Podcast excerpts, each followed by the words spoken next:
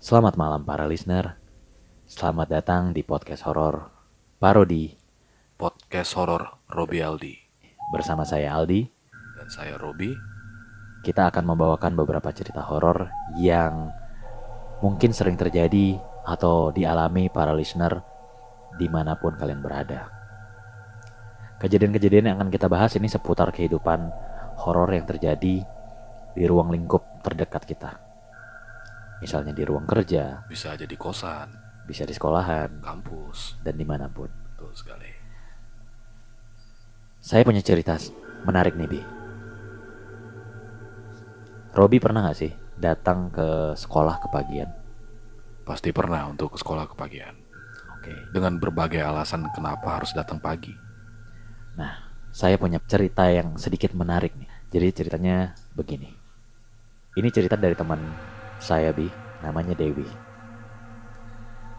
Jadi waktu itu Dewi masih kelas 7 SMP. 7 itu berarti kelas 2 ya? Kelas 2. Eh, enggak, 7 kelas, 1. dua, Kelas 1 ya. iya, kelas 1. Dia masih SMP dan waktu itu kebetulan dia datang ke sekolah kepagian. Hmm. Jadi dia bermaksud datang pagi itu karena dia punya tugas kepentingan eh, sekolahnya. Hmm. Kebetulan waktu itu dia anggota OSIS. Oke. Jadi dia mau bikin proposal gitu, Bi. Waktu pagi itu juga katanya cuacanya sangat mendung dan waktu itu lagi gerimis. Hmm. Nah, di pagi itu dari kejauhan si Dewi ini ngelihat ada satu orang temannya lagi duduk di dekat taman. Hmm. Padahal lagi hujan tuh, makanya dia samperin. Waktu itu temannya namanya Dinda. Siapa? Dinda, Dinda. Dinda. Oke, Dinda. Terus Dewi ngomong gini, Din, ngapain di sini? Lagi hujan kayak gini kok di luar, ke kelas yuk. Hmm. Nah, si Dinda nih ngomong gini, Bi. Iya nih, aku di luar takut. Tadi aku nggak berani masuk ke sana, soalnya ada sesuatu. Si Dewi langsung sesuatu apaan sih gitu kan? Oke. Dia langsung mikir kayak gitu. Oke. Udah deh kita masuk aja nggak apa-apa kok. Emang ada apaan sih? Dewi cuman diam. Hmm. Terus eh Dewi si Dinda, si Dinda diam. Terus si Dewi ngomong kayak gini, yaudah deh, kamu tunggu di sini. Aku bawa tas aku masuk dulu ke dalam kelas. Dia bilang Oke. kayak gitu. Oke. Sekali lagi Dinda pun diam waktu Dewi ngomong kayak gitu. Hmm. Setelah ngomong seperti itu, Dewi langsung masuk kelas. Nah, setelah dia masuk ke kelas, dia ngelihat posisi meja kursi berantakan Di dalam kelas tuh ya. di dalam kelas. Oke. Dia sebel dong, dia langsung ngomong, siapa sih yang iseng sampai ngeberantakin kayak gini? Terus dia mikir, tapi perasaan kemarin sepulang sekolah, setelah piket, kondisi sekolah sudah dibersihkan. Hmm. Karena waktu itu si Dewi kelar meeting sama OSIS itu sudah agak sore.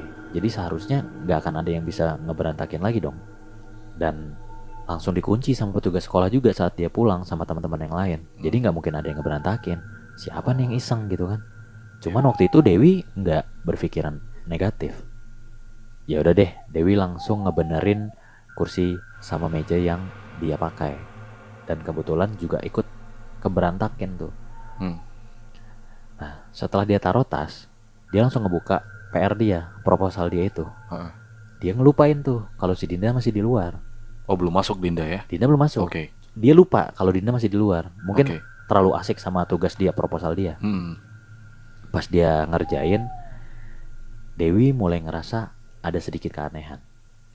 Dia mencium bau daun pandan dan sedikit bebauan yang agak busuk. Jadi kayak bercampur gitu, Bi. Wah, ini udah jelas nih. tapi dia pun cuek dia ngerasa kayak ah yaudahlah gitu loh dia nggak terlalu nggak terlalu permasalahin hal itu Hmm. tiba-tiba bi di belakang terdengar suara meja bergeser dan itu sangat keras kata dia dan terjadi sangat cepat pas Dewi noleh ke belakang itu nggak ada apa-apa Hmm. dia pun langsung merasa agak takut Dia langsung bergegas keluar dan cari si Dinda. Dia baru ingat apa yang Dinda omongin tadi. Dia langsung nyamperin Dinda, terus dia ngomong, Din, maksud kamu, kamu ngeliat apa sih tadi sosok di kelas? Oke. Udah dong, temenin aku yuk, aku banyak tugas. dia coba ngobrol sama Dinda Hmm. sudah mulai agak gelisah gitu. Oh, si Dinda udah gelisah tuh ya. si Dewi juga gelisah mulai gelisah itu. ya jangan dulu wi nanti aja tunggu anak-anak rame katanya gitu tadi pas aku masuk kelas sendiri aku ngelihat meja sama kursi itu melayang Meja sama kursi melayang. melayang-layang Ini kata si si Dinda. Dinda. dia coba teriak dia mau coba lari dari situ nggak bisa sampai badannya lemas Oke. gitu sampai akhirnya dia bisa keluar makanya dia nunggu di taman Hmm.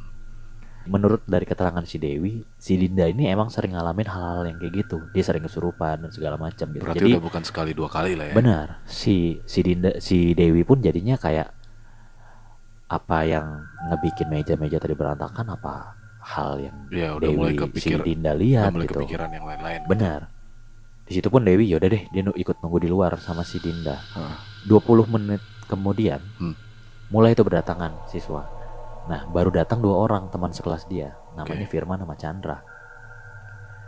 Terus si Dewi ngomong lagi, Din, ayo masuk tuh, tuh Firman sama Chandra udah datang. Terus dia bilang, ya udah deh, ayo kita masuk. Karena mungkin udah ada cowoknya, makanya dia udah mulai berani. Iya. Sampai di kelas, Dinda tuh langsung teriak-teriak, Dewi, tolong bawa aku keluar, tolong tolong. Dia bilang kayak gitu. Oke. Terus si Dewi dengan panik dia ngomong, kenapa Din kenapa? Kamu lihat apa? Udah tolong bawa aku keluar. Dengan panik si Dewi megang tangan si Dinda langsung bawa la- lari keluar. Mukanya udah mulai pucat dan lemas si Hmm. Dinda. Terus habis itu saat baru mau keluar kan dia bersama temannya Firman sama Chandra tuh. Iya. Nah Firman tuh udah duduk di kelas pas dia jadi duluan tuh ceritanya dia Oke, masuk oke. ke kelas. Si, Di- si Dinda tuh langsung teriak, Firman jangan di situ. Ada perempuan itu di situ. Dan Perempuan ha- ya. Perempuan.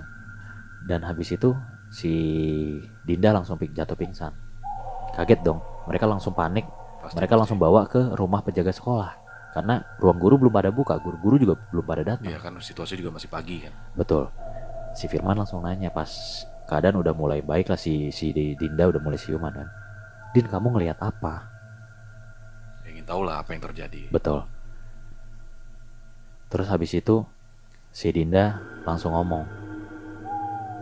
Dinda tuh ngelihat pas tadi dalam kelas ada seorang wanita berpakaian putih. Rambutnya panjang dan acak-acakan. Si makhluk itu duduk di atas meja di pojok belakang tepat di dekat Firman tadi. Di pojok belakang tepat Di sampingnya di Firman. samping Firman, pojok belakang kelas di pojok. Yes? Oke. benar. Dan Dinda juga mengatakan makhluk itu seakan-akan mau ngedatangin dia. Badannya gede, terus menunduk, dan pundaknya itu saking besarnya itu udah nyentuh langit-langit, jadi kayak ngebungkuk gitu, Bi. Itu yang dicerita- diceritakan si Dinda ke teman-temannya, Iya. sampai akhirnya Dewi cerita nge-share nih. wah gila sih itu. Segede itu berarti ya. Sampai harus bungkuk Iya. gitu ya. Ini bentuknya mungkin menyerupai, ya kalian tahu Udah bisa tahu, dibilang udah pasti tahu lah. Mrs. K ya. Listener kita udah pasti tahu. nih. Listener kita pasti udah tahu Mrs. K tapi badannya tuh seperti Miss Gun Iya, eh Mr. Gun Mr. gitu Gun, yang Mr. gede Gun, Mr. Gun, gede itu. ini serem banget sih bi kalau misalnya ini terjadi pas lagi kondisi saya Hmm. Wah bukan pingsan lagi bi shock mungkin Kalau saya, Tapi- mau- saya kalau saya sih memposisikan dari cerita Aldi tadi tuh kalau yang saya sebagai Dinda gitu. ya Itu justru pengalaman sehidup semati itu nggak lupa itu. Hmm. tapi pernah nggak sih Robi mengalami hal seperti ini Kalau relate sama ceritanya sih kan di dimension tuh di awal tuh uh, Iya. ada bau-bauan gitu ya. Hmm, Kalau yang kayak gitu-gitu pernah ngalamin pasti kan. ya tapi tidak sampai mengganggu gitu ya Nggak, tidak mengganggu, tidak melihat wujudnya lah. iya ya Cuman baunya kecium gitu. Tapi masih benar nggak sih maksudnya mitosnya kalau misalnya wangi eh, tandanya sifatnya baik. Kalau misalnya bau busuk itu Hmm. sifatnya kalau dari mitos-mitosnya sih seperti itu mungkin ya. ada juga mitos yang bilang katanya kalau suaranya dekat dia Oh iya, jauh itu pernah dengar sih itu, Benar. pernah dengar sih. Oke, itu dia cerita pertama dari saya, Bi. Dari Robi, yang dibawakan dari cerita Dewi ya. Iya. Oke oke. Kalau saya ada ada juga cerita dari pabrik di daerah Pulau Jawa. Pabrik ya berarti. Pabrik pabrik. ah, ini pabrik re- relate banget sama kota kita sekarang tinggal ya. Wah, pasti Batam industri ya. Iya Dan betul. juga banyak pabrik tentunya. Yes. Dan tentunya juga pabrik pasti ada cerita-cerita. Mistis. Nggak semua pabrik tapi sebagian besar lah. Ada cerita dark di baliknya lah. Pasti, Pasti, pasti ada, ada. pasti ada. Coba Oke. aja sendiri. Gimana nih, Bi? Lembur malam. Gimana gimana? Coba Oke, coba oke, coba oke. ceritakan. Cerita berikutnya datang dari seseorang kita sebut aja Mbak Ani, Mbak Ani ya. Jadi Mbak Ani ini melamar kerja dan dapat interview panggilan kerja kan di sebuah perusahaan pabrik lah di daerah Pulau Jawa. Dia datang hari pertama itu untuk interview. Pertama kali datang interview, dia diterima padahal di situ kan ada Banyak orang ya Ah, yang ikut beberapa- interview banyak ya. Beberapa orang yang ikut interview sekitar lebih dari 20 orang lah yang ikut interview. Hmm. Dan kebetulan yang diterima cuma Mbak Ani ini. Dan besoknya itu dia mulai kerja. Ah, Berarti kalau dihitung dari hari interview dia berarti ini hari kedua dia berada di situ dan termasuk ini hari pertama dia kerja. Hari pertama Mbak Ani kerja, semuanya terlihat normal dan semuanya sewajarnya aja. Tapi dia di hari pertama ini belum ketemu nih sama karyawan-karyawan yang ada di situ. Maksudnya belum bersosialisasi. Hmm. Dan Mbak Ani juga bilang kalau misalnya di pabrik tempat dia kerja tuh sangat rapi dan sangat bersih, nggak seperti pabrik-pabrik Pada umumnya. pada umumnya lah yang Ya. memang banyak aktivitas kan. Hmm. Itu hari pertama dia kerja tuh. Nah hari kedua dia kerja, dia kan udah mulai merasa kalau dia harus bersosialisasi sama timnya, tim kerja dia di pabrik itu. Hmm. Eh, Jadi dia bersosialisasi, menyapa, tapi nggak ada tanggapan dari karyawan-karyawan yang lain. Maksudnya yang satu tim sama dia itu nggak ada tanggapan apa-apa di situ. Jadi kayak dikacangin gitu ya. Dikacangin ya, Ya. dikacangin. Mungkin dan di situ dia masih positive thinking. Hmm. Mungkin di sini situasi kerjanya seperti itu. Ya. Mungkin situasi kerja di pabrik itu hening. Mungkin orangnya juga terlalu serius atau apa dia nggak nggak terlalu maksudnya Mbak Dia Ani tidak terlalu ya. iya, tidak berpikir aneh-aneh lah soal tempat Iya. itu. Sampai di hari ketiga nih, Di. Di hari ketiga dia kerja seperti biasa dan dia dapat panggilan dari personalia di pabriknya ini. Hmm. Katanya dia akan dikasih seragam. Oh. Karena kan pabriknya di situ pakai seragam. Karena Iya. dia juga orang baru kan seragam belum dikasih. Nah, di hari ketiga dikasih seragam sama Personalia. personalianya. Sampailah tiba saat jam istirahat. Jadi Mbak Ani ini mau nyari kantin lah di situ kan. Hmm. Kebetulan di situ kalau dari ceritanya Mbak Ani nyari nyari makan di daerah situ susah gitu.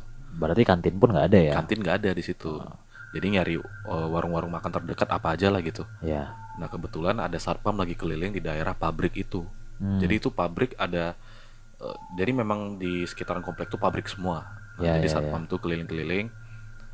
Eh, jadi Mbak Ani nanya sama satpam nih, Pak gitu kan, Pak di sini nggak ada jual makanan Pak ya dekat-dekat sini gitu kan, Hmm. nasi uduk kah atau apa gitu di sini. Heeh.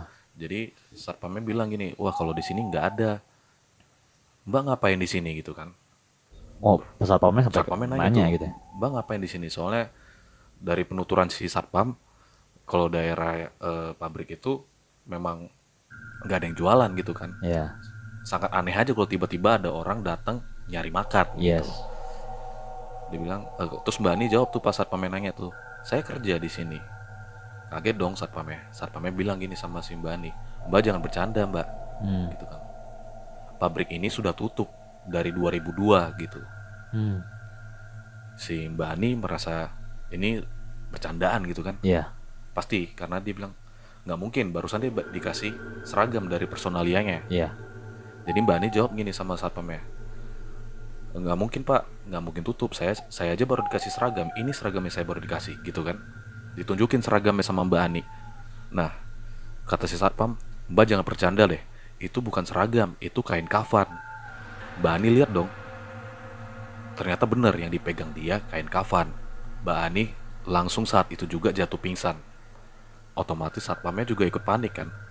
Entah gimana ceritanya jadi si satpamnya bisa ngubungin keluarganya Mbak Ani eh, dan dibawa ke rumah sakit terdekat lah yang bisa dibilang dekat-dekat situ lah karena kan keadaan juga udah seperti itu Ya. dibawa lebih cepat penanganannya lebih baik akhirnya diketahui kalau Mbak Ani itu dari dari dokter ya Keterangan dokter. ya dari keterangan dokter Mbak Ani itu shock yang anehnya lagi menyebabkan Mbak Ani jadi buta dan bisu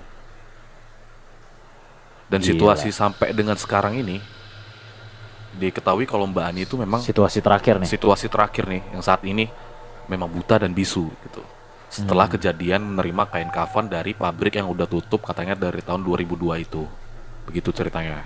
Gila sih, Be. Kok bisa ya? Maksudnya kalau kita pikir-pikir, kita telusuri lebih dalam. Ya, Ini kan masih menjadi misteri juga ya. benar-benar.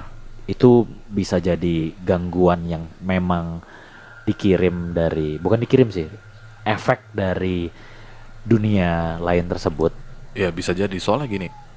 Kalau kita kalau kita breakdown ya ceritanya, shock wajar. Kalau seandainya posisi kita di Mbak Ani tadi itu, kita pasti shock, Shock juga. juga. Cuman Benar. shock itu kalau saya pribadi belum tahu, shock itu bisa mengakibatkan kebutaan sampai bisu. Maksudnya saya nggak tahu tuh bagian itu. Mungkin mungkin kalau misalnya shocknya yang benar-benar sampai berkepanjangan dan hari itu kasarnya sampai benar-benar bisa dibilang posisi Mbak Ani ini dia melihat realita yang benar-benar terjadi gitu. Iya. itu iya. pasti Iya, ngasih iya. shock terapi yang gede pasti, banget pasti, gitu. pasti. Soalnya kalau kita bandingin sama cerita pertama Hmm, yang tadi si Dewi. iya, Kalau Dewi kan yang ngelihat kebetulan Dinda betul. dan Dinda pun tidak sempat berinteraksi. Iya. Ini Cuma perspektifnya kalau kalau yang Dewi tadi kan dia ngelihat dari orang lain ya. dari orang lain ya. Ya. Kalau Mbak Ani mengalami langsung dan dia tiga hari ada di pabrik itu bekerja seperti Iya. biasanya gitu loh. Dan dia berarti kalau dibilang pabrik sudah tutup dari 2002, Dia berarti yang dilihat apa dong, Dik? betul betul. betul. Ya kan? Sangat Sebanyak sekali. sebanyak itu yang dia lihat di dalam pabrik itu apa coba? Oke. Sepertinya cerita-cerita yang tadi kita bawakan, yang kita ceritakan sama para listener, mudah-mudahan menghibur pada malam hari kalian dengarkan ataupun di mana pun kalian lagi dengerin sekarang ya. Ya. Mudah-mudahan eh, jangan sampai terjadi lah, karena kalau Kita, sampai kita terjadi berharap, itu kita itu- berharap juga tidak terjadi sih. Betul, Maksudnya tidak betul. terjadi sama listener kita dan terutama tidak terjadi pada kita. Iya, jangan sampai. Oke, sekian cerita pada episode kali ini. Dan buat teman-teman yang suka sama cerita-cerita horor, nantikan aja episode selanjutnya karena kita bakal bawain lagi cerita-cerita horor nyata ataupun yang terjadi sama teman-teman. Mungkin teman-teman iya. mau share Iya. cerita-cerita kalian, kalian bisa langsung kirim ke Instagram kita ya, Bi ya Iya benar-benar. di @parodihorror.id Oke. Atau kalian juga bisa langsung email di di kontak bio kita di situ bakal ada tertera email kita juga. Semua info kita lengkap nanti ada di situ. Oke. Sekian pada perjumpaan malam hari ini. Semoga para listener terhibur. Saya Aldi undur diri. Dan saya Robi undur diri. Selamat malam.